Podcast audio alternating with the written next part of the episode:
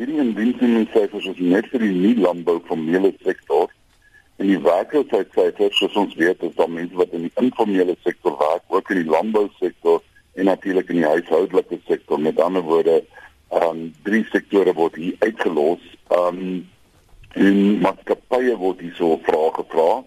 Uh terwyl op die ander ene word mense vrae gevra en van daai uh wat die arbeids ehm uh, uh, uh opname is word dan uh uh uh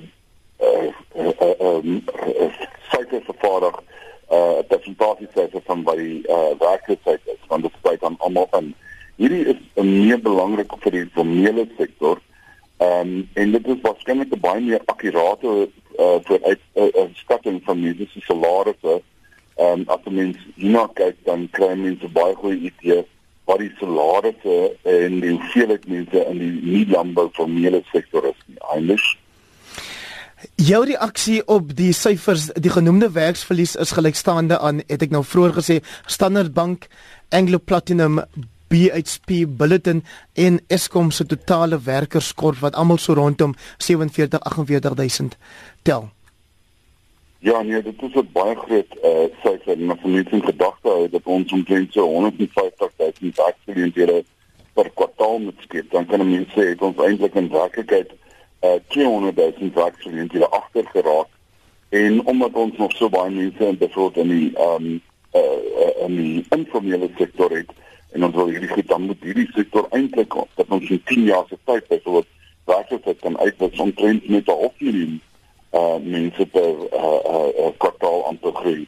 Maar dit kan nie sommer maklik gebeur nie en die feit is hierdie is 'n uh, uh, weerspieëling van die swak ekonomiese toestande en mense kan sien mynbou baie goed gedoen. Daar is warm 8000 mense wat uh, bygekom het en mense kan sien dat oral sit uh, al die ander sektore het verloor behalwe konstruksie wat ek amper nie kan glo nie, maar hmm. maak nie saak nie.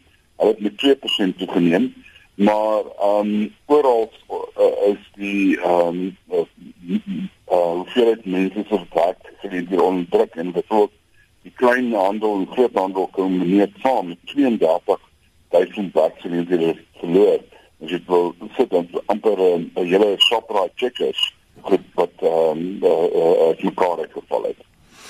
En die verskil in in diensneming tussen die eerste kwartaal van 2016 en die eerste kwartaal in 2017, 58000. Ja, en dit is 0.6% van die totale mense, met ander woorde dis meer as 0.5%.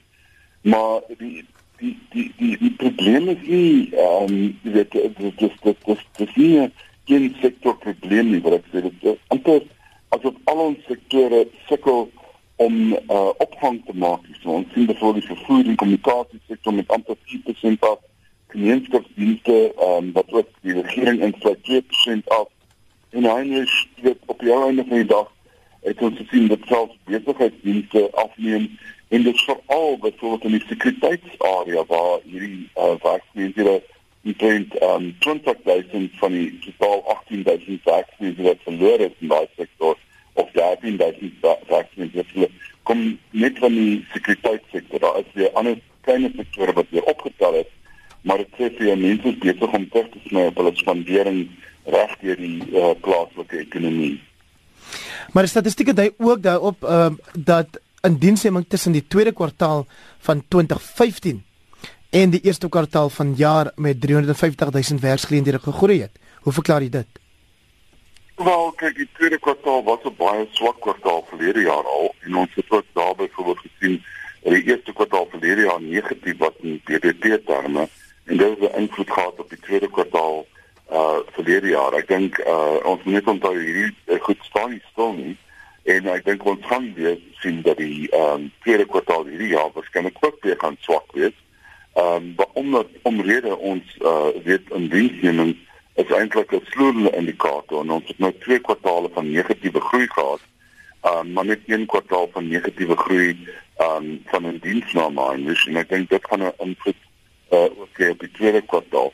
Ook histories gesien en dit net net onthou die vierde kwartaal van elke jaar um is 'n bietjie meer mense in diens want um dit is die kersseisoen en kleinhandelaars byvoorbeeld het ekstra mense nodig of hotelle en restaurante uh, weet meer mense kom eet en hulle stel 'n paar mense tydelik aan.